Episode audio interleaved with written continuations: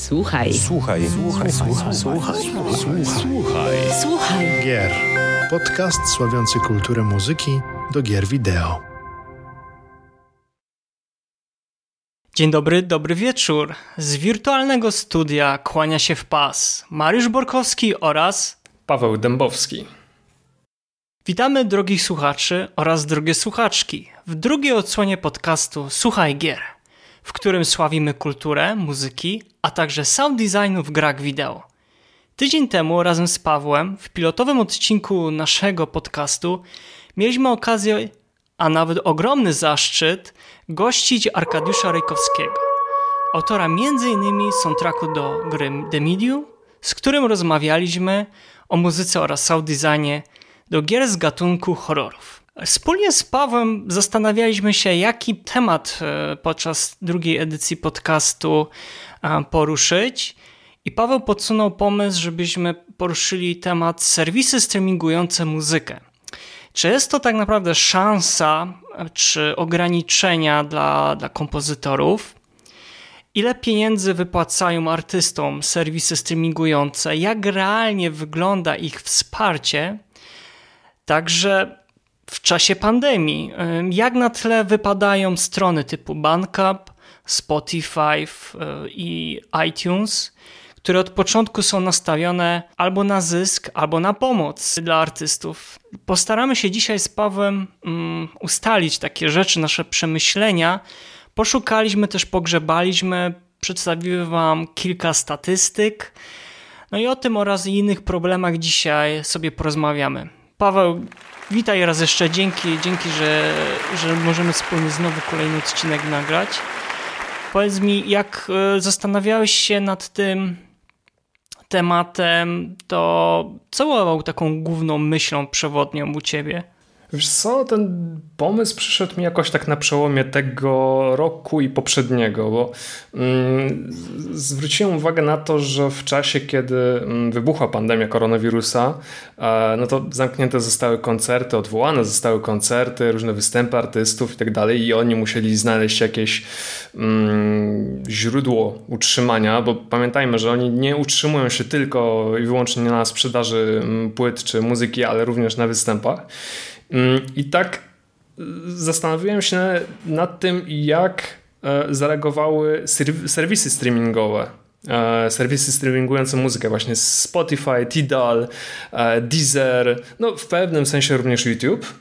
Ale mm. też pisałeś o tym artykuł. Znaczy ja, o... znaczy ja pisałem inaczej. Ja pisałem na początku roku artykuł o tym, w jaki sposób rzeczywiście wspierać artystów i robić to z głową. Dlaczego? Dlatego, że no cóż, pojawiły się takie pomysły pod tytułem wspierajmy wszystkich artystów, tak? Dajmy im pieniądze, ale no mm, jakby to powiedzieć, wszystkich artystów włożono tak naprawdę do jednego wora i wszyscy musielibyśmy na nich łożyć pieniądze. No, ja to wypowiem się e, w swoim tylko własnym imieniu. Ja jakoś nie widzę potrzeby mm, z mojej strony, żeby finansować e, na przykład artystów z disco polo.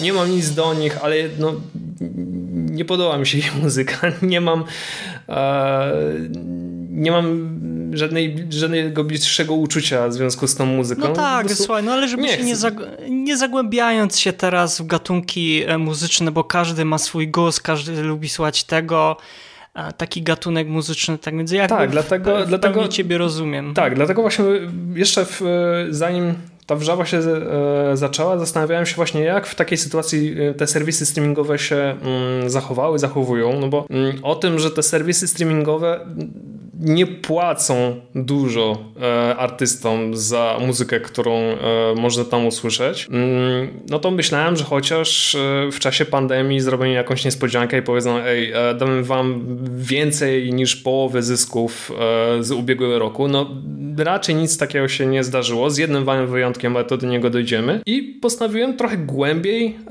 wejść w ten temat i to, co przeczytałem, to, co zauważyłem, no trochę mną e, wstrząsnęło i to dosyć mocno. W dużym skrócie e, artyści muzyczni mają um, no, nie za łatwą, sytua- nie mają za łatwą sytuację.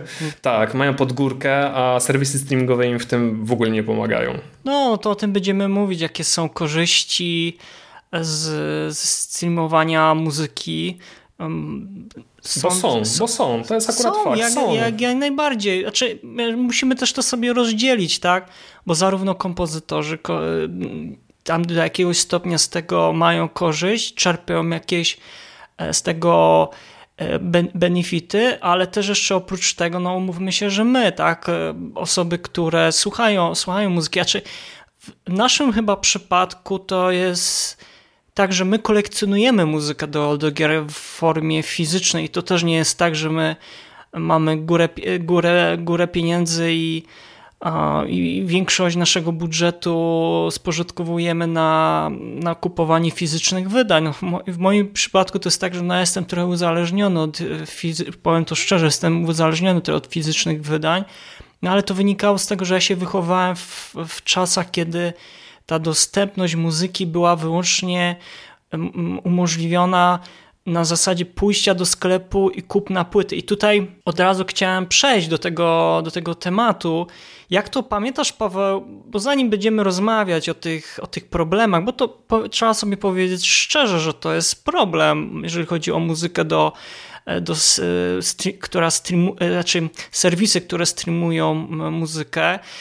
I zanim jakby do tego przejdziemy, do tego głównego tematu, ja bym chciał najpierw za, zacząć od tego, Paweł, jak ty zanim ja na przykład swoje jakieś tam anegdoty opowiem tutaj, to jak ty pamiętasz jako nastolatek, jak, jak kupowałeś, jak słuchałeś muzykę do, do gier, czy to się głównie sprowadzało do radiostacji, czy też jakby korzystałeś z możliwości gdzieś tam, jak wiesz, dostawałeś jakieś kieszonkowe, to leciałeś do sklepu muzycznego, żeby kupić jakąś płytę bądź kasetę magnetofonową. Opowiedz tak, jakbyś mógł w kilku słowach naszym słuchaczom i słuchaczkom znaczy, jeśli chodzi, jeśli chodzi o generalnie muzykę, to powiem to tak. E, płyty CD i kasety w domu u mnie pojawiały się głównie za sprawą rodziców bo to oni byli e, melomanami i czy to oni kupowali, czy sprowadzali z giełdy, czy dostawali od swoich rodziców, czyli moich dziadków e, całą kolekcję płyt, no to w sumie tak naprawdę to dzięki nim e,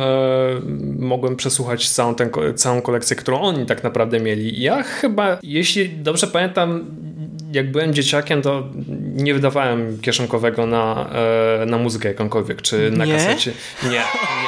O nie, Paweł. Jestem stra... Nie, ale słuchaj, słuchaj mnie, słuchaj mnie. Okay, okay, okay. Jak byłem dzieciakiem, pamiętam, że miałem jakąś tam kolekcję um, kaset. Na pewno to były kasety. Przede wszystkim tam oczywiście były bajki. Jak dostawałem bajki na kasetach, to byłem w niebo wzięty. Jak dostawałem je na święta, to mm, podskakiwałem pod sufit.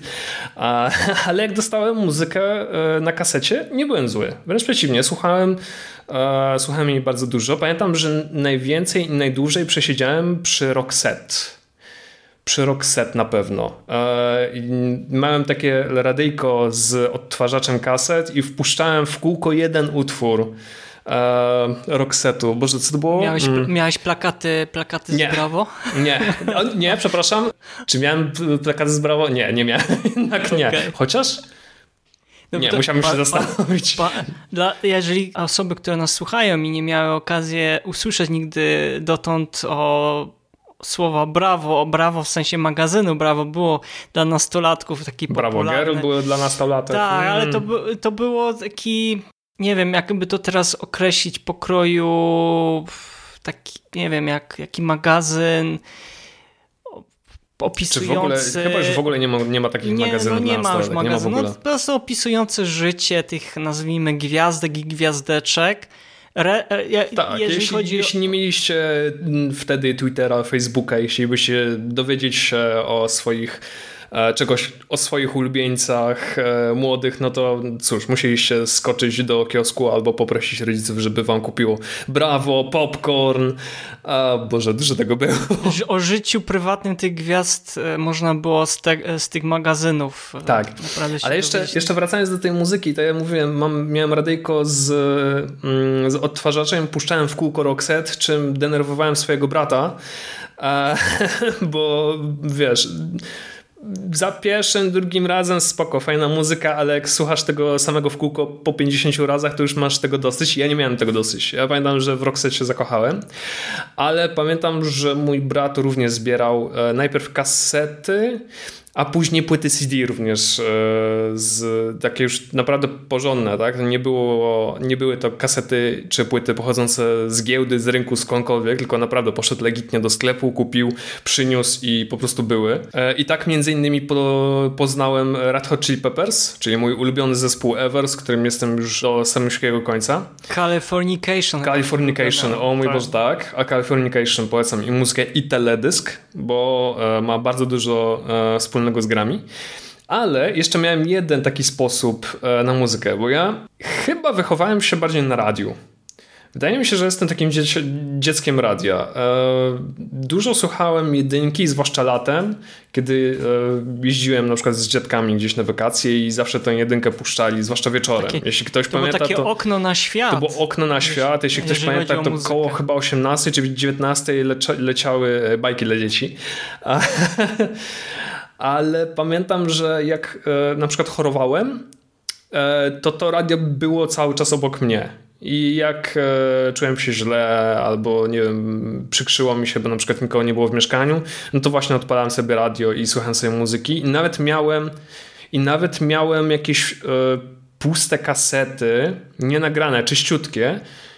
Wkładałem je do odtwarzacza i nagrywałem muzykę, która leciała w radiu. Zwłaszcza, Oj, tak. zwłaszcza z trójki właśnie z jedynki, no bo cóż, Kto tego tam, nie robił wtedy? Tam nie były tak, puszczane reklamy e, w środku utworu, tam nie było żadnego speakera, który wam przeszkadzał i mówił, która jest godzina, tylko leciała, leciał cały utwór od A do Z i e, można było sobie puszczać, puszczać tę muzykę na okrągło. Więc no, jeśli chodzi o muzykę, no to u mnie chyba tak to wyglądało na samym początku, a później jakoś tak w takich, w takich czasach mm, późno młodzieńczych, no to później kupowało się rzeczywiście te płyty, ale też robiłem jakąś selekcję na podstawie, słuchajcie, e, na podstawie tego, co było puszczane w MTV przede wszystkim. Mojej ukochanej MTV, która no niestety stoczyła się bardzo i już jej niestety nie oglądam. No to już nie jest program muzyczny, tak? To już jest... Music Television, która nie ma już nic wspólnego tak naprawdę z muzyką. Trudno. No to jest więcej jakichś takich programów znaczy wiesz co, zaczęło się, zaczęło się chyba trochę od yy, chyba trochę od Jackassów, chociaż nie, Jackass to jeszcze się tam wpisywał w ten, ten niegrzeczny nurt e, którym płynął MTV. Jakoś później pojawiły się jakieś te reality show, tam upiększ się, czy zamieńmy nerda w fajnego kolesia i później to jakoś szło dalej i robiło się po prostu jakoś tak dziwnie i no, ale coraz mniej tam muzyki. Sądzę, że jak ktoś naszych e, słuchaczy bądź słuchaczek chciał, e, chcieliby się do, e, dowiedzieć, to zachęcam już do sprawdzenia na własną rękę na, na serwisie YouTube. Dobrze, coś jeszcze ewentualnie? Masz jakieś takie wspomnienia gorące związane, albo takie miłe związane z kolekcjonowaniem, słuchaniem muzyki ogólnie, nie tylko do, do, do gier? Właśnie nie tylko z gier. Pamiętam, że... Mm Okej, okay, dobra, to jest może trochę zastydzające, ale pamiętam, że mm, bardzo lubiliśmy z moim bratem, jak byłem dzieciakiem, bardzo lubiliśmy e, Blues Brothers. E, nie ma w tym nic złego. To jest świetny film, fantastyczny, każdemu polecam. Jak macie. Bardzo dobrą ścieżką dźwiękową. Bardzo dobrą ścieżką dźwiękową. Uważam, że to jest. Mm, to ma chyba najlepszą ścieżkę dźwiękową w, w ogóle, jeśli chodzi o filmy. I mieliśmy kiedyś z bratem taki pomysł, żeby się przebrać za e, Blues Brothers. Czyli mieliśmy ciemne okulary, chyba nie mieliśmy kapelusza, ale na pewno mieliśmy ciemne okulary i jakieś takie pseudo... Nie, nie, nie, nie, nie, nie, nie, nie, nie, nie, to było co innego. To było tak, że mieliśmy jakąś taką zabawę, że na przykład połączyliśmy ze sobą dwa taborety, położyliśmy na to chyba jakiś koc albo jakieś prześcieradło, cokolwiek i udawaliśmy, że to jest klawesyn czy fortepian, a mój brat miał chyba mm, rakietę tenisową albo jakiś kij i udawał, że ma gitarę. I puszczaliśmy, puszczaliśmy muzykę nagraną na kasecie z filmu, więc to już jest w ogóle jakaś abstrakcja, że nagraliśmy muzykę, która była puszczana w filmie na kasetę i po prostu odgrywaliśmy scenkę. Udawaliśmy, że jesteśmy Blues Brothers i śpiewaliśmy i graliśmy to muzykę. Czekaj, czekaj, z... czyli ja rozumiem, że ty potrafisz też zatańczyć tak jak oni, bo tam oni mieli taki bardzo specyficzny... Oj nie, nie, ja siedziałem, ja siedziałem tylko przy tym klawesynie, tylko grałem i śpiewałem. Szkoda. Nie potrafię tańczyć do dzisiaj, więc nawet nie, nie możecie mnie zmusić do niczego. Ale później ta tradycja jakoś wyszła poza Blues Brothers i nie wiem, jeśli mieliśmy jakieś składanki, bo składanki również robiliśmy, czy to właśnie w formie kaset e, taśmowych, czy później na płytach e, CD, e, ze składanek różnych śpiewaliśmy, czy raczej udawaliśmy, że śpiewamy utwory, które e, były zawarte na tych nośnikach. Była fajna zabawa, fajna rozrywka i to akurat bardzo miło wspominam. Nie, no to są dobre wspomnienia. Ja tak postaram się pokrótce. U mnie to wyglądało tak, że muzyka zawsze była w moim domu. Ojciec chyba do kołyski puszczał mi progresywny rock, metal, Jezus Black Sabbath, Maria. Led Zeppelin. Tak więc ja się, wycho ja się wychowałem na, na, na dobrej muzyce, tak sądzę. Do dzisiaj słucham. Chyba częściej już wracam do do tych lat, lata 60., 70., 80. to są na, na, najlepsze w, mo, e, w moim odczuciu chyba, jeżeli chodzi tak, o gatunki to jest akurat muzyczne. Fakt. I to tylko nie chodzi o rock, o, czy tam metal, e, jazz i blues. I chyba to się tak złożyło, że na komunie dostałem mm, magnetowid i potem zacząłem kolekcjonować kasety magnetofonowe, no bo to było jedyne, jedyne wyjście, tak? To był, e, to był chyba 90 chyba drugi rok, jak, jak dostałem magnet, e, do słuchania kaset magnetofonowych. Chyba pierwszą, pierwszą to nie pierwszą kasetę chyba to było, to był któryś z albumów Michaela Jacksona. No i tam non stop, do stop, do zjechania kasety słuchałem. No i wiadomo, jak się pojawiały jakieś tam powiedzmy premiery, to, to się, nie wiem, oszczędzało. Pamiętam, że chyba kasety wtedy kosztowały w okolicach 20-25 zł. No to już było trochę dużo, tak? A szczególnie dla, dla nastolatka. No ale w przeciągu tam kilku lat, no to się tych kaset nazbierało. Chyba do dzisiaj gdzieś tam mam na strychu. A trzeba wiedzieć, że kasety magnetofonowe wróciły obecnie do łask. no, podobnie jak płyty winylowe. Tak, znaczy płyty, ta jakby ten moment, kiedy one wróciły, no to już jesteśmy za tym, tak? To znaczy na przykład to był w okolicach 2007 roku był ten, zaczął się powoli taki e, wzrost zainteresowania, ale nie na zasadzie e, samego kupowania, ale duże wydawnictwa zaczęły na nowo otwierać fabryki tam tłoczyć płyty i pojawiały się jakieś tam załóżmy jakby, nie wiem, Lady Gaga albo inne znane, znani artyści zaczęli, zaczęli publikować jakieś swoje płyty na, na, na, na, na czarnym krążku. U mnie to później wyglądało, że tak tam o muzyce z gier, no to muzykę z gier i tak ty tu powiedziałeś o o, rad, o radiu, no to ja na przykład na radio, radio jakieś tam programy nagrywałem później na kasetach magnetofonowych i odtwarzałem sobie, no bo to była tylko jedyna opcja wtedy. No tak, tak, tak, tak też nagrywałem, pamiętam, e, muzykę z gier. No cóż, nie było jeszcze MP3, nie było jeszcze, nie wiem, jakichś streamingów czy czegoś w tym rodzaju, tylko po prostu podstawiałeś radio pod telewizor, puszczałeś grę i tak po prostu no, nagrywało się muzykę z, z gier. No, tak, no człowiek sobie musiał jakoś radzić, bo nie było dostępu do tych płyt. W Stanach, owszem, w Japonii no to od zawsze, w Europie tylko z, może w, przy dobrych wiatrach w Niemczech albo w Anglii bądź we Francji, czyli takie największe rynki zbytowe, jeżeli chodzi o gry, gry wideo, to może gdzieś tam udało się pozyskać te, te, te płyty oryginalne. Ja pamiętam taką historię, którą zawsze, do której zawsze wracam. E, po tym jak z, z bratem skończyliśmy Final Fantasy VII, to bardzo usilnie chcieliśmy sobie kupić soundtrack, no, a nie było takiej, nie było takiej możliwości i pozostało nam szukanie Mm, poprzez różnego rodzaju sklepy, które prowadziły sprzedaż gier. I tutaj pamiętam, że Ultima miała, warszawska Ultima miała w ofercie ten soundtrack, no ale był poza naszym zasięgiem, jeżeli chodzi o portfel, bo to wtedy to było, nie wiem, jakieś horrendalne sumy, około chyba 300 zł. No i nie było stać, no jeszcze nawet, nawet, nie, nawet w szkole, nie wiem, czy w szkole średniej, chyba, chyba początek szkoły średniej to był. Już teraz, teraz nie, umiem sobie nie umiem sięga, sięgnąć pamięcią. W każdym razie to wyglądało tak, że tak jak podobnie, tylko ja jeszcze oprócz tego, że kasety magnetofonowe, to ja płyty CD zacząłem kupować, ale bardzo mało ich kupowałem, no bo płyty CD były wówczas bardzo, bardzo drogie. W każdym razie, do czego ja zmierzam? Tutaj oboje mamy jakby za sobą ten czas, kiedy mieliśmy na przykład świadomość tego, że można było kupić te, te płyty i inwestowało się w te płyty i można było w ten sposób też pomóc artystom, chociaż sami wiemy, że artyści wiele nie zarabiają na, na płytach, bo jednak y, tutaj na koncertach najwięcej, najwięcej, największe garze jakby zgarniają. Ale jeżeli chodzi o muzykę do gier, no to tu już troszeczkę jest inaczej. Tak, no bo albo kompozytor sprzedaje te prawa i przy honorarium z automatu dostaje w rozliczeniu bardzo dużą garzę, albo dogaduje się ze studiem i ma te, te prawa do wydania później są e, takiej ścieżki, ścieżki dźwiękowej.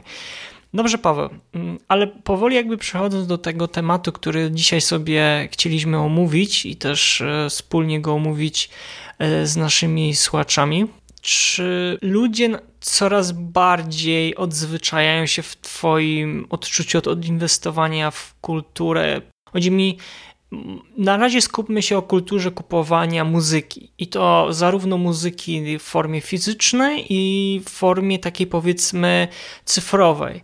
Czyli, bo można na iTunesie, można na Bandcampie wersje cyfrowe tych e, ścieżek dźwiękowych kupić i jakie ty masz odczucie? Czy jest taka, nie wiem, jest, zauważyłeś, żeby ludzie troszeczkę się odwracali od tego inwestowania w mam na, mam na myśli oczywiście miniony rok, tak? Czy kiedy, kiedy wybuchła pande, pandemia.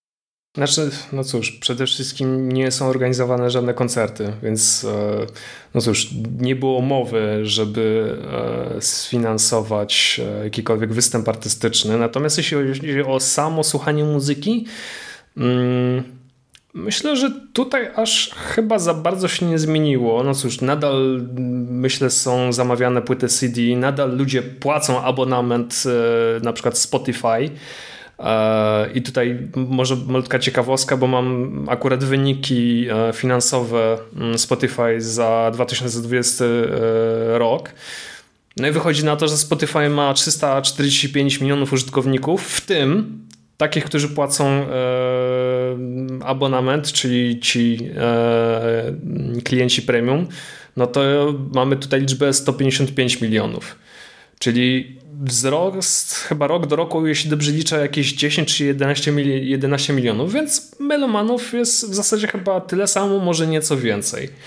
Więc pod tym, kątem, pod tym kątem mogę powiedzieć, że raczej się nic nie zmieniło. Jedyne, co się zmieniło, ja to zauważam już od e, lat iluś, to to, że jednak więcej płacimy za streamingi niż e, kupujemy płyt CD fizycznie. Jest ten wzrost. To jest zdecydowanie bez dwóch zdań jest wzrost, tylko weźmy na przykład, bardziej bym chciał to zawężyć, czyli zawężyć do muzyki, do gier. Bo wiemy na pewno, jeżeli chodzi na przykład tak, jest sprzedaż cyfrowa, gdzie globalnie, patrząc chociażby na rok 2018, no to ta sprzedaż cyfrowa wahała się w okolicach 2,3 biliona dolarów. Tak? Mówimy o bilionie, nie mówimy o milionie.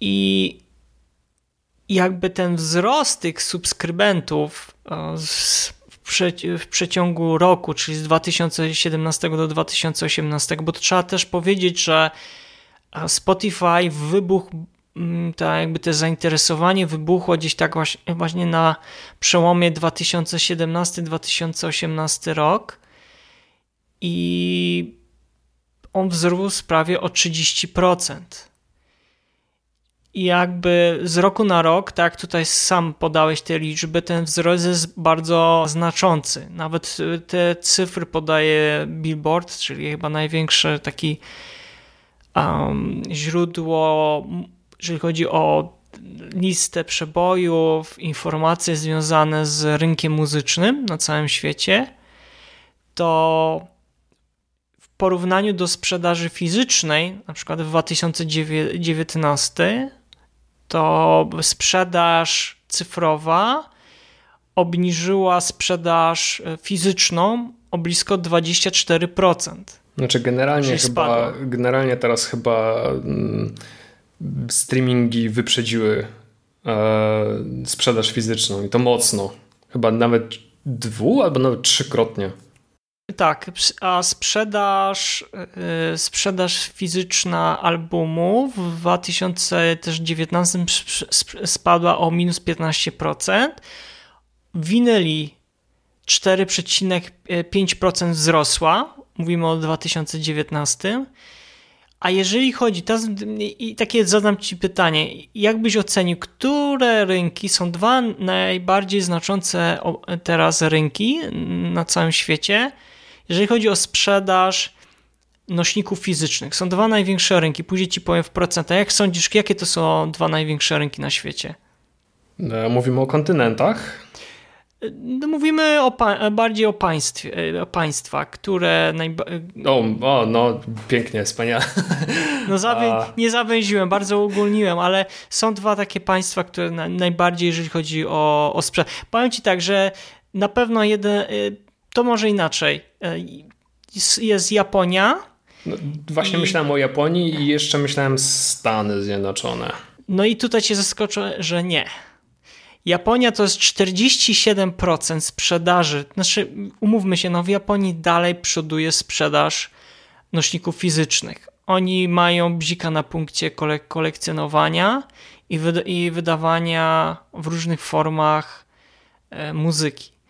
A drugim takim największym rynkiem, i tutaj powiem Ci, że byłem zaskoczony, bo ja sądziłem, że to będzie Anglia. A okazuje się, że to są Niemcy. 35%. Co? Naprawdę. Japonia i Niemcy obecnie w 2019 e, były, zostały oszacowane jako najbardziej, jeżeli chodzi o sprzedaż fizycznych nośników. Naprawdę. Poczekaj, poczekaj bo Japonia to. Okej, okay, Japonia rzeczywiście roz, jeszcze rozumiem, bo tak jak e, piszemy newsy na gamemusic.pl i mówimy, że e, zostanie wydany w końcu na fizycznym nośniku muzyka do takiej takiej gry, no to fakt, Japonia tutaj przoduje. A Niemcy?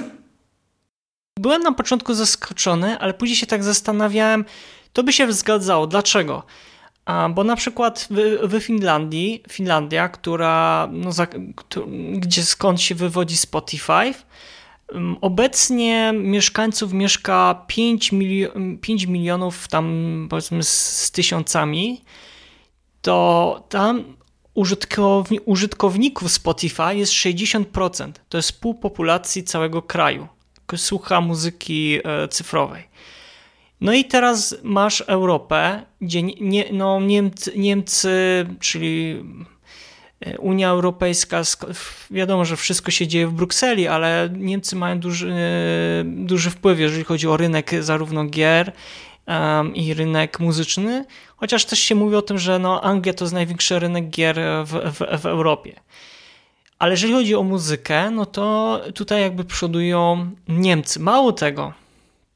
Słuchaj, w, w czerwcu mm, przeprowadzono też ankietę, jeżeli chodzi o spadek sprzedaży płyt w niektórych wydawnictwach muzycznych. Do 30 czerwca w minionego roku Universal Music e, Group e, miał, miał wzrost o 6%, Sony BMG o minus 12%, a Warner Music Group o minus 5%, tak?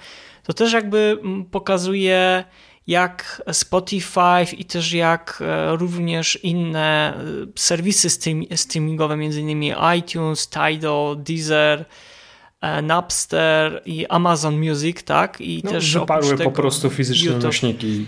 No mocno prawie, wyparły. Prawie, no tak. I... Jeszcze one są tak. dostępne, ale no raczej no są też... w, odwrocie. Tak. Jak to, się, jak to się teraz na przykład przekłada na, na sprzedaż fizyczną muzyki, y, muzyki y, do gier?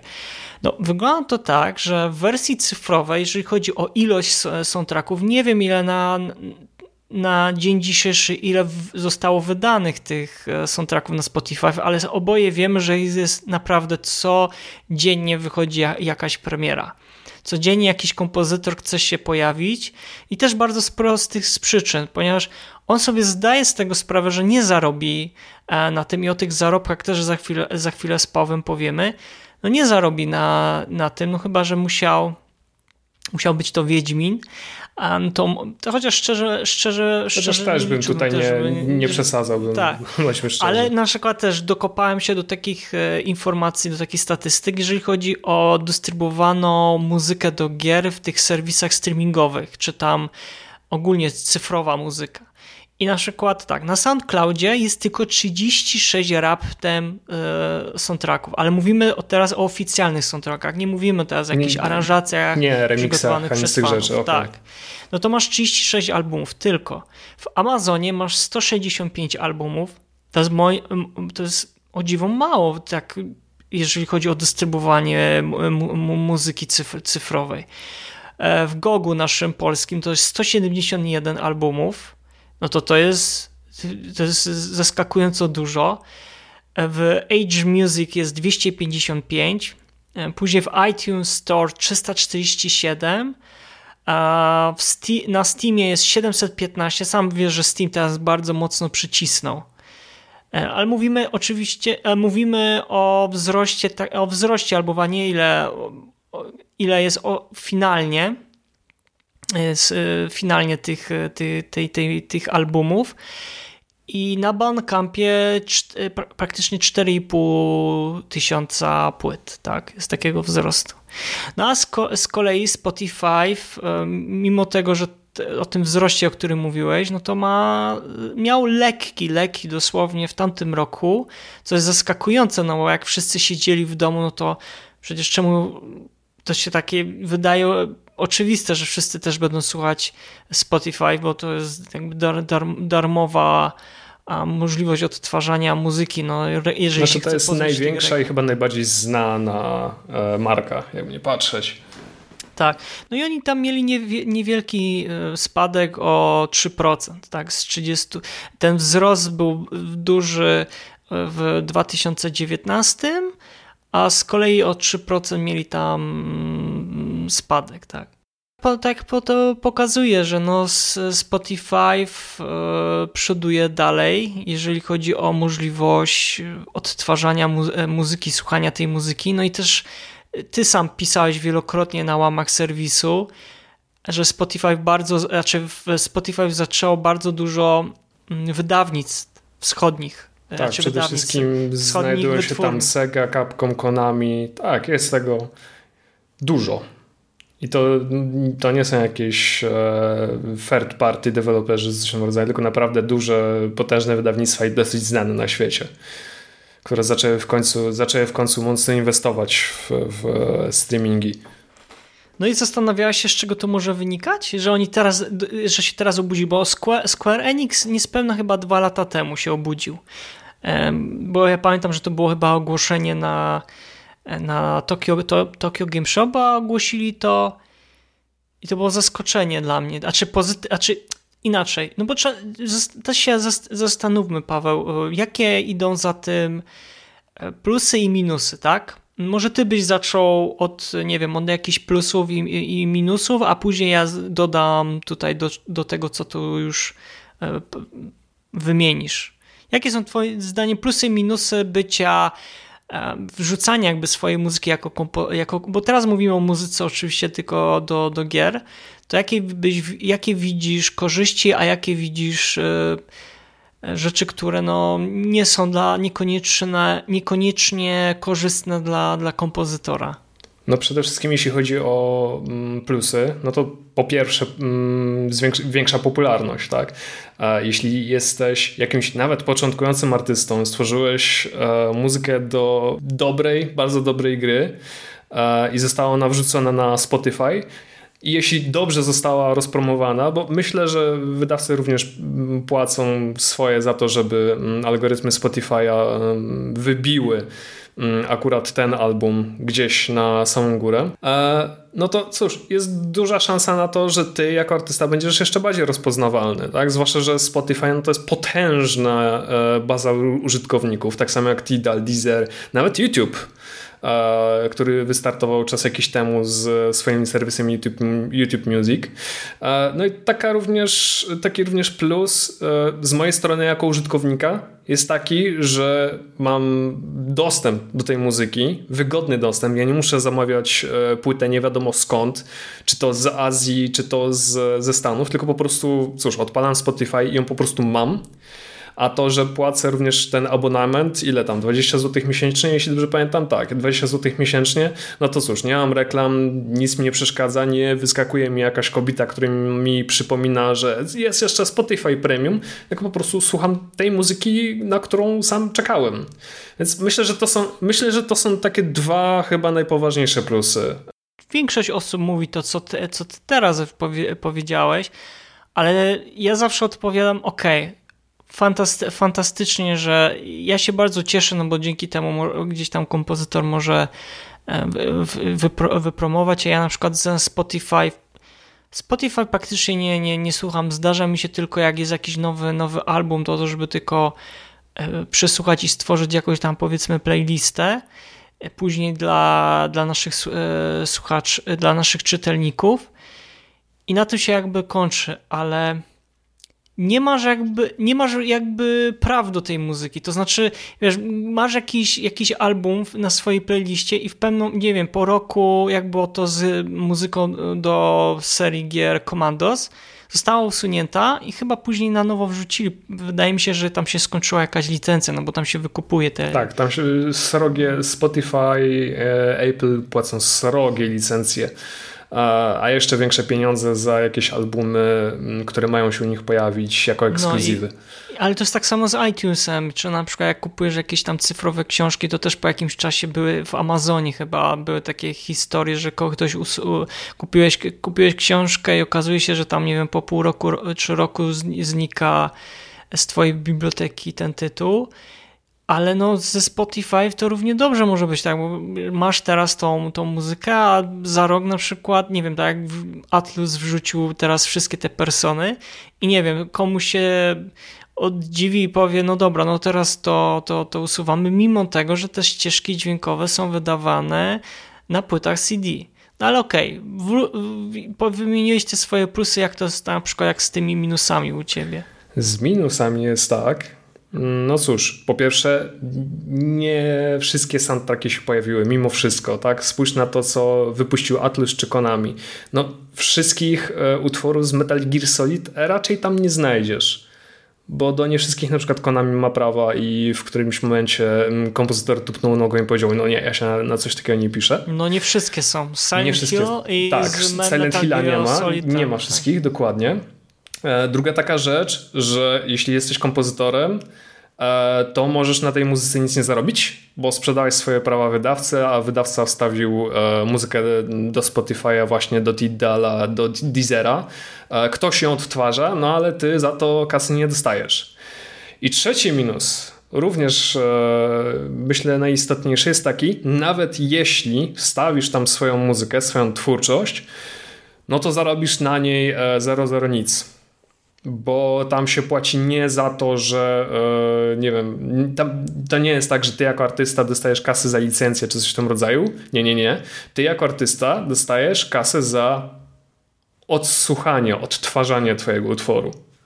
Tak, no, pamiętasz? Jak chyba Play nawet puści nie przesyła całego utworu, to chyba też dostanie. Dokładnie. I to wyświetlenia. I to, był, I to był jeden z takich właśnie... Mm, punktów zapalnych u mnie, dla którego chciałem zacząć w ogóle ten temat, bo chyba Grant Kirchhoff opublikował taki, tak, poruszył ten temat, opublikował taki jeden wielki screen, czy tabelkę e, z mm, zapisanymi płatnościami ze strony e, serwisów streamingowych.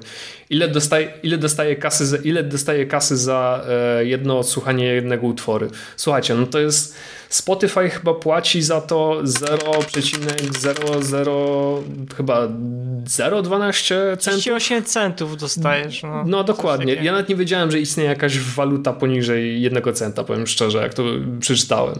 Wiesz, a jaka jest, jaka jest szansa, że spośród tych e, przepraszam, ilu? 300 ponad milionów e, użytkowników Spotify e, przesłucha twoją muzykę?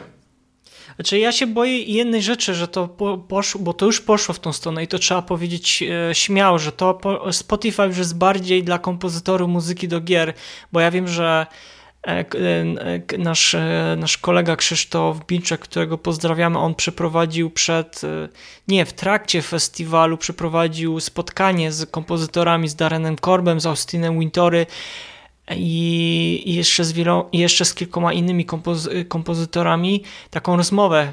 Przez chwilę rozmawiał o tym i oni są w pełni tego świadomi, są w pełni tego świadomi, że nie zarabiają na tym, ale jest to świetna platforma do promocji. I tego trochę się obawiam, że kompozytorzy już teraz biorą to jako um, jako taką trampolinę do, do Bo tak jest, ale ty się siebie. dziwisz, ale ty się, ty się dziwisz, masz ponad 300, 300 milionową widownię, jest jakaś tam szansa, że te algorytmy, że te algorytmy Spotify'a, czy e, Tidala, Deezera, YouTube'a, kogokolwiek wywindują twój album. Jest jakaś tam możliwość. Ale wiesz co, Paweł, ja na przykład to czuję w, inaczej. To ma sens, jak jesteś jakimś już rozpoznawalnym kompozytorem. To tak to jak najbardziej, ale jeżeli jesteś takim kompo kompozytorem, który gdzieś tam nie wiem, dopiero e, z, zaczyna, no chyba, że gra odniosła sukces i skomponowałeś, e, skomponowa, e, ta osoba skomponowała świetną muzykę, no to to jeszcze jestem w stanie zrozumieć. Tak, ale jeśli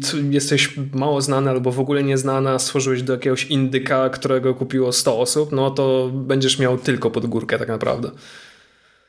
Z mojej takiej nie wiem, wiedzy, no, znaczy z mojego takiego, nie wiem, punktu widzenia, to ja nie widzę sensu wtedy wydawania takiej muzyki na, na Spotify, bo ona przepadnie w gąszczu innych albumów, jak to jest ze, e, było, był taki okres ze Steamem, pamiętam chyba 3 czy 4 lata temu, że miałeś to wysyp tych gier i, i to jeszcze na głównej stronie nie wiedziałeś w co, w co grać i to dziennie chyba po kilka, e, chyba tysiąc czy półtora tysiąca gier, a pomyśl sobie ile na przykład takich albumów. Dlatego jak ja, jak ja już bym miał komuś radzić, nie wiem, wydawanie albumów i nawet takie wydawanie za darmo, ok, no nie wiesz, czy ktoś zapłaci za tego do, dolara, dwa dolary za ten album, no to już sugeruje prędzej wydawanie tej muzyki na, na, na YouTubie, albo na, na, żeby jak chcesz zarobić to wiadomo, na, na Bandcampie, bądź na przykład na, na, sound, na, na SoundCloud. Tak? Dokładnie. Ja myślę, ja myślę, ja bym poszedł jeszcze dalej. Ja się tu akurat bardzo zgadzam.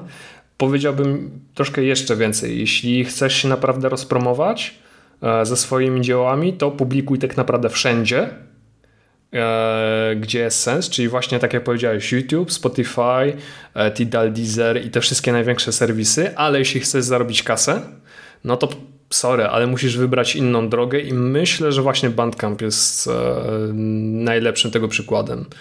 Drodzy, słucha drodzy słuchacze, drogie słuchaczki, żebyście też dobrze nas zrozumieli, to nie jest tak, że ojej, my jesteśmy wielkimi przeciwnikami serwisów streamingowych. No, po, gdzieś tam po części jesteśmy, ale jesteśmy jakby tego świadomi, że nagle nic nie, nie zmieni się nagle coś, że że ludzie przestaną słuchać, no bo Spotify daj, też daje, dobra, żebyśmy trochę zeszli z tego Spotify, bo zaraz się okaże, że jesteśmy jakimiś wielkimi przeciwnikami anty, ale Tidal na przykład też, da, ale Tidal jest o tyle do, dobrym serwisem, bo on tam bezstratne pliki daje, czyli wa, możesz odsłuchiwać wawy na, jak masz takie specjalne odtwarzacze do, do muzyki, to on ci pozwala streamować bardzo wysokiej jakości muzykę.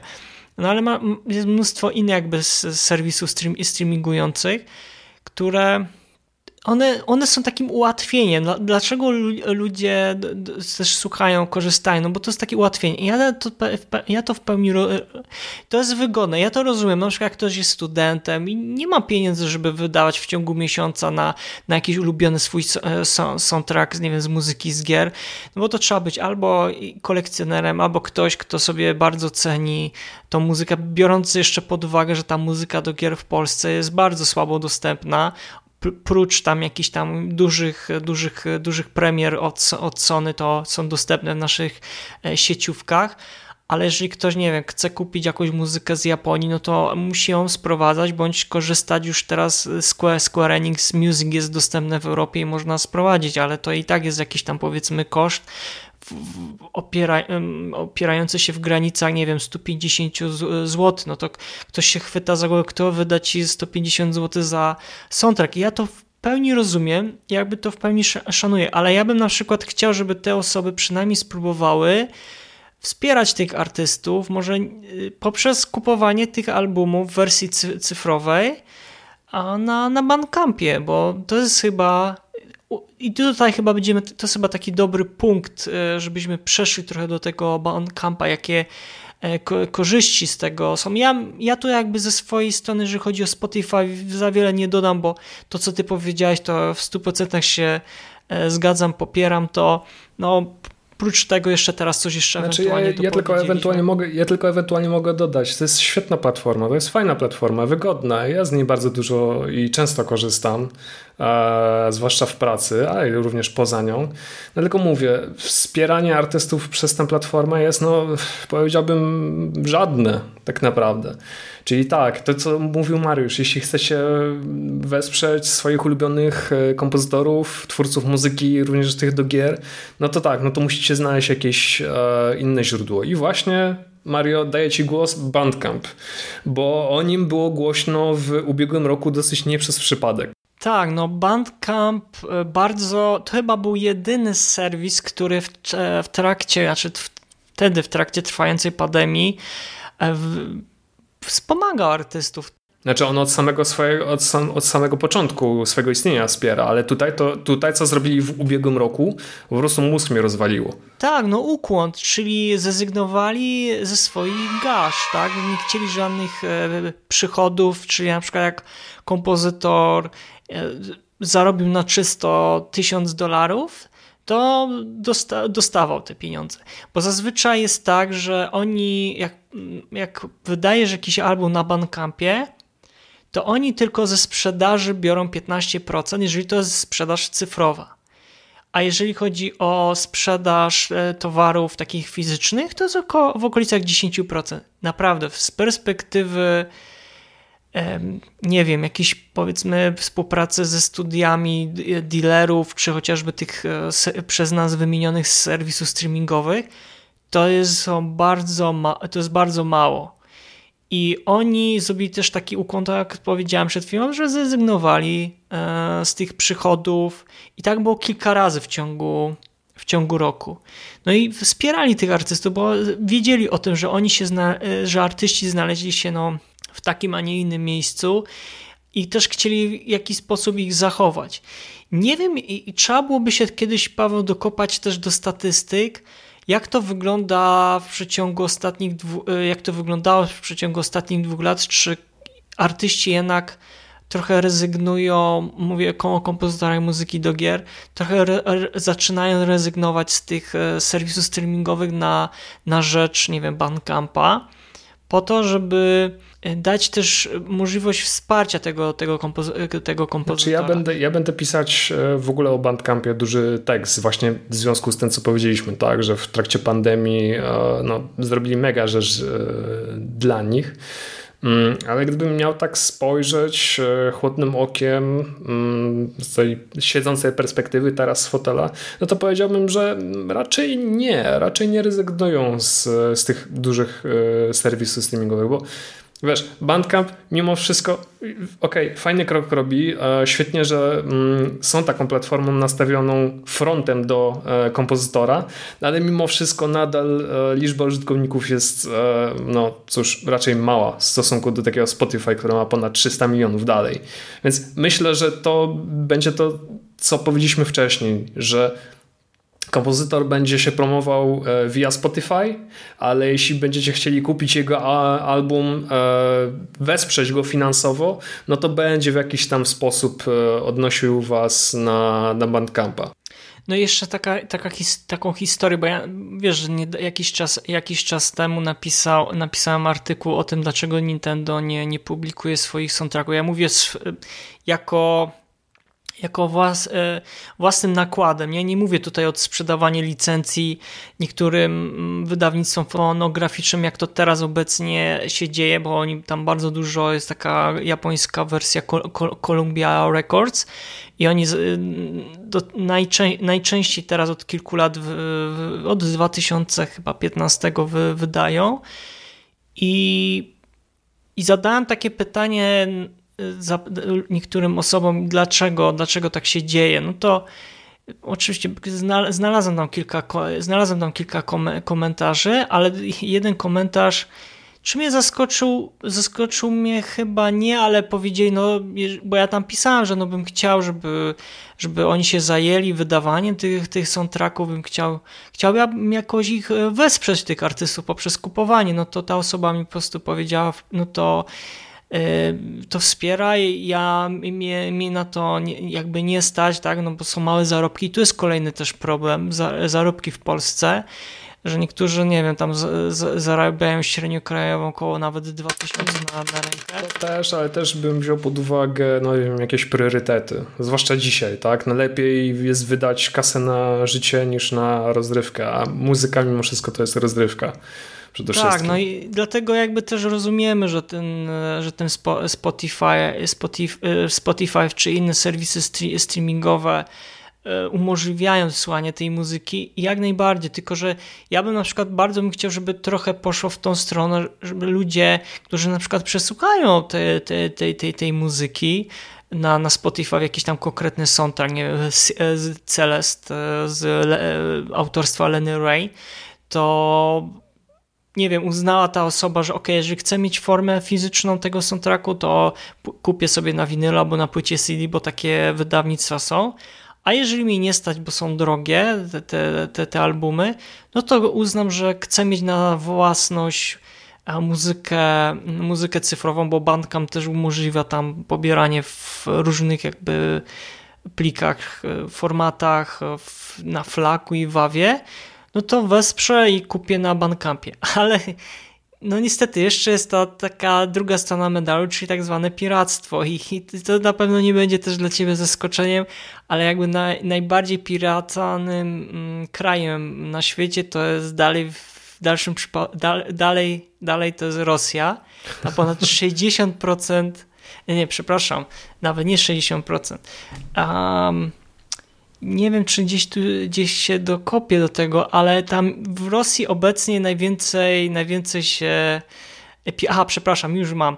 4,5 biliona spiraconych tych stron jest. Stron, stron, gdzie możesz pobierać y, wszystko, czyli począwszy od muzyki, filmów, i ko kończąc jeszcze na innych jakichś Czyli takich na rzeczach. Na tak. wschodzie dalej bez zmian, jasna sprawa. No i to też jakby też ma swój y, y, wpływ, że no niestety niektórzy artyści jakby nie, nie, nie, nie, zarab nie zarabiają, no bo są jakby, no jeszcze oprócz tego są te serwisy streamingowe, dla seriali, tak, gdzie możemy seriale i filmy oglądać, to w ogóle inna, inna para. No na piratów nie ma mocnych i z nimi raczej no, raczej nie wygramy. No ale to słuchaj Paweł, no bo trzeba też się teraz e, zastanowić, czy jest jakiś mm, jaką widzisz przyszłość dla, dla fizycznych no, no, nośników w stosunku do tego wzrostu, no bo dalej jest wzrost e, z streamingowej muzyki, słuchania muzyki streamingowej jest wzrost e, e, płyt winylowych, także dalej nawet w stosunku do minionego roku jest dalej wzrost pomiędzy 2019 a 2020. Z płytami CD jest tam jest spadek, tak? Z roku na rok jest jakby ten spadek. I, i teraz na, na horyzoncie pojawiły się znowu kasety magnetofonowe. To znaczy, po tym jak w Kanadzie chyba był duży boom na kasety magnetofony, nawet muzyka do gier się wydaje na kasetach e, magnetofonowych, bo Celest, Swords on Sorcery, Jima Gutier też był wydany. Czyli coraz widzimy bardziej, że jest wydawana ta, ta, ta muzyka na kasetach magnetofonowych. Ja sądzę, że to jest raczej taka.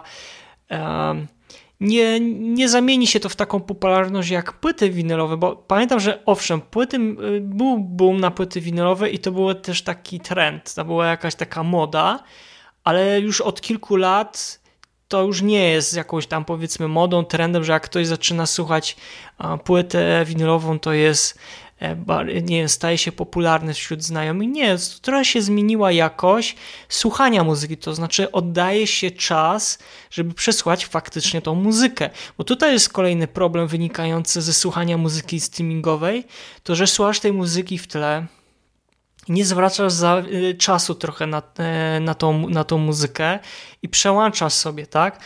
I co? Gdzieś tam umijają cię takie E, poukrywane historie związane z jakimś utworem, nad którym grono artystów, bo trzeba też pamiętać, że to nie jest artysta, czy to jest jakiś zespół, ale też od tego przecież pracowała, pracowała osoba od masteringu, od miksu, to jest, czy tam na przykład jacyś sesyjni muzycy, i przez to, że nie, czasami ludzie nie skupiają uwagi na słuchaniu tej, tej, tej muzyki, no to gdzieś tam tra, tra, tracą może nie tyle co przyjemność, ale takie, takie magiczne elementy, które zostały pokrywane przez artystów. I w przypadku na przykład winyli, no to musisz bo nie przełączysz sobie, chyba że wstaniesz i, przy, i wkładkę przesuniesz na inną ścieżkę, no to sobie wtedy możesz przełączyć ten utwór bądź powtórzyć, ale jeżeli chcesz jak po Bożemu od początku do, do samego końca przysłać, no to jednak musisz usiąść i słuchać na spokojnie.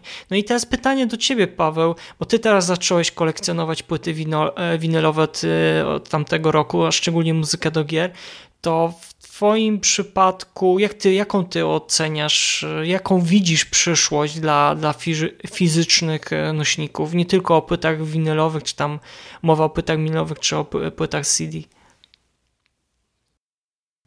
Cyfra prędzej czy później wchłonie cały rynek. Wchłonie cały rynek. To jest. Yy nie do przejścia. To jest mimo wszystko przyszłość i do tego ludzie się po prostu przyzwyczajają. Tu rośnie kolejne pokolenie ludzi, e, którzy w streamingach będą widzieć muzykę, będą oglądać filmy, będą oglądać seriale, nie będą oglądać telewizji. No to jest e, raczej nieuniknione. Jeśli chodzi o płyty CD, E, myślę, że one powoli, powoli będą e, sprzedawać się coraz, coraz to gorzej, coraz to mm, słabiej i w pewnym momencie trafią na tę samą półkę, co właśnie mm, kasety magnetofonowe czy płyty winylowe, czyli będzie taka fajna mm, rzecz do kolekcjonowania kiedyś tam Dla w melomanów. Chcesz dla powiedzieć, że to dokładnie. będzie dla melomanów. Mhm, dla, dokładnie, dokładnie. Nie widzę dla nich takiej, takiego szerszego zastosowania. Natomiast to, co ja się tu jeszcze odniosę do tego, co ty powiedziałeś, tak, że mm, nie będzie tej magii, że nie będzie można, że nie będzie można siedzieć i posłuchać na spokojnie tej muzyki.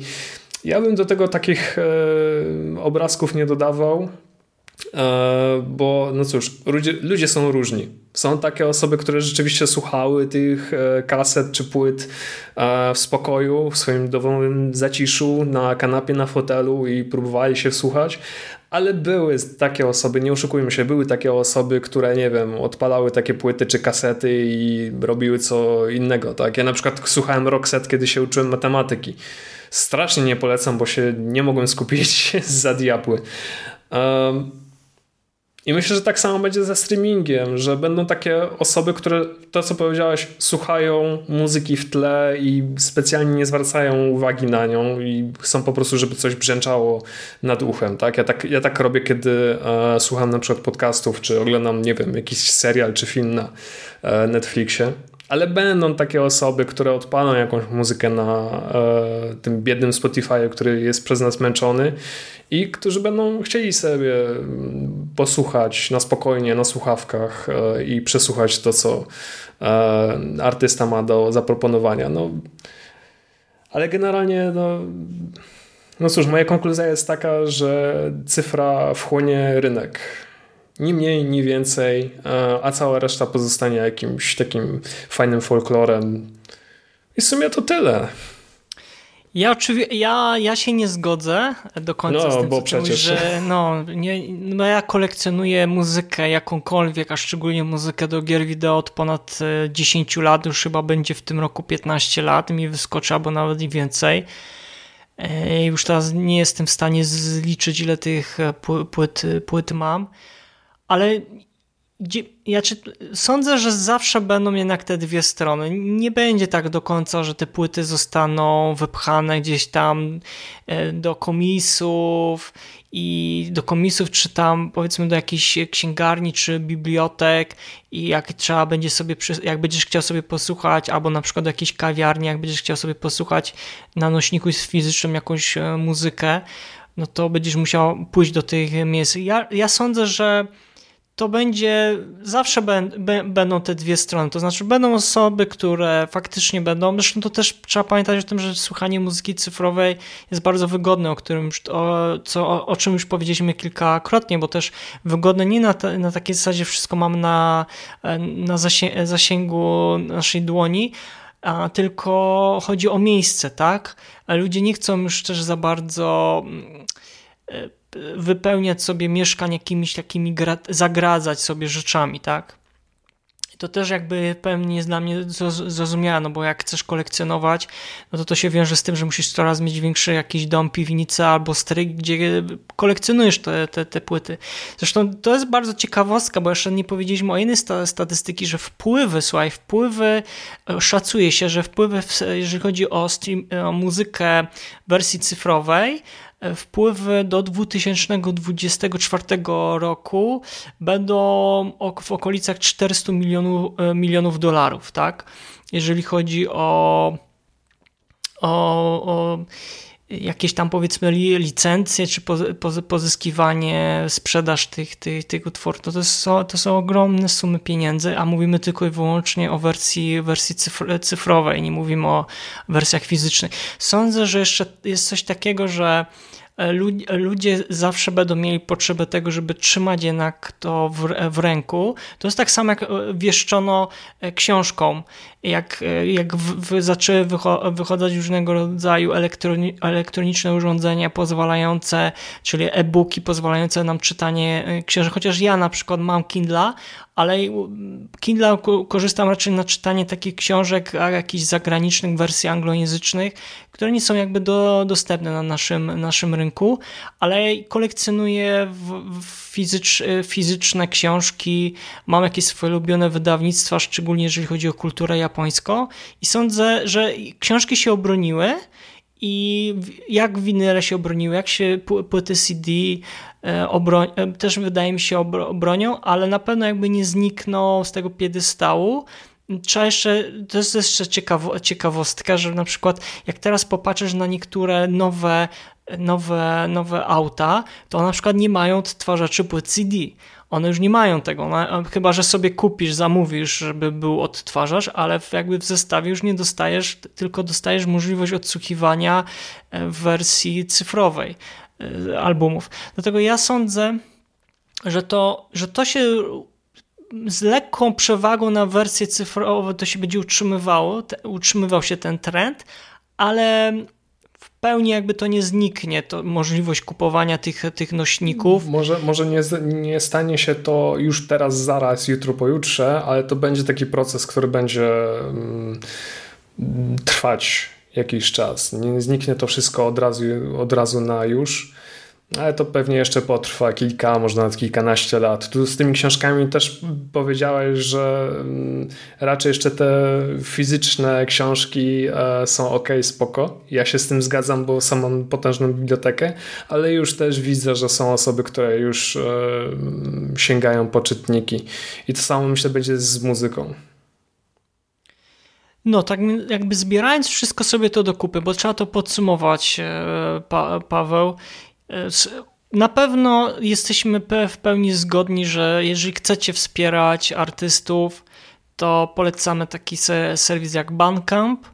A jeżeli jesteś kompozytorem i jednak e, chciałbyś zarówno trochę zarobić i też się wy, wy, wypromować. Ja wychodzę z takiego założenia, jeżeli jesteś jakimś początkującym kompozytorem i wydałeś jaką, jakąś płytę, to nie wydawaj jej od razu na, na Spotify, tylko wrzuć, jej w, w, wrzuć ją pierwszej kolejności na Bandcampie i jeżeli zobaczysz, że jest, jest duży ruch i zarabiasz na przykład na tej, na, tej, na, tej, na tej płycie, to może bym wtedy się zastanowił, żeby może wrzucić, tak? No to też zależy od tego, jakie, jaką masz umowę z, z wydawcą, a dopiero później bym się raczej zajął, zajął wyda, wyda, wrzuceniem do jakiejś tam powiedzmy wersji, wersji cyfrowej na jakieś tam powiedzmy streamingowe serwisy. No chyba, chyba, że tylko ci zależy na tym, żeby być na tym Spotify, bo jest, jest, jest ta dostępność, jest od ręki, no to tutaj jak najbardziej. Dobrze, Paweł. No, sądzę, że chyba doszliśmy do jakiejś e, konkluzji, że warto na pewno wspierać, e, wspierać artystów zarówno w tej wersji cyfrowej i też jakby wersji fizycznej. E, jeżeli ktoś faktycznie jest w stanie troszeczkę wyłożyć ze swojej kieszeni tych pieniędzy, żeby wesprzeć tego, tego artysta, szczególnie w tych, w tych dzisiejszych czasach, to jakby tutaj z Pawem do tego, do tego zachęcamy. I co, Paweł? Chyba się słyszy, słyszymy się w takim razie z, e, w, przyszłym, w przyszłym tygodniu. W przyszłym tygodniu będzie e, podcast już z, kolej, e, z gośćmi. Możemy ewentualnie zdradzić? Z gośćmi? Nie, nie, zdradz, nie zdradzajmy jeszcze. Nie zdradzajmy. Nie zdradzajmy. Ale to, będą, ale to będą bardzo miłe, przyjemne głosy, bo je Oj, wielokrotnie chyba słyszeliście, anielskie anielskie wręcz to będą.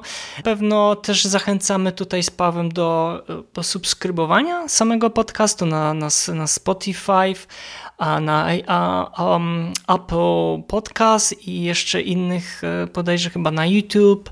E, podcast jest obecnie teraz Wszędzie, dostępny. gdzie jesteśmy. Nas no wszędzie. wszędzie. No przede, tak wszystkim więc... też, przede wszystkim też zachęcamy do zostawiania mm, komentarzy, uwag e, dotyczących tego podcastu i na Facebooku, i na Twitterze, no i na naszym serwerze na Discordzie. Im więcej będzie, im więcej będzie tych głosów, tym te kolejne odcinki będą coraz lepsze. Przynajmniej mam taką nadzieję. Tak, tak. No z Pawłem tutaj bardzo za, zależy nam na tym, żeby ten poziom e, rósł równomiernie jakby z kolejnym, kolejnym odcinkiem i bardzo będziemy Wam wdzięczni za każdy komentarz, czy to będzie negatywny, pozytywny, z każdego się ucieszymy, dlatego bardzo Wam serdecznie dziękujemy. Tak więc dziękujemy raz jeszcze za wysłuchanie kolejnego odcinka podcastu Słuchaj Gier. Z tej strony kłania się Mariusz Borkowski oraz Paweł Dębowski. Słuchaj. Słuchaj. Słuchaj. Słuchaj. Słuchaj. Słuchaj. Słuchaj. Gier. Podcast sławiący kulturę muzyki do gier wideo.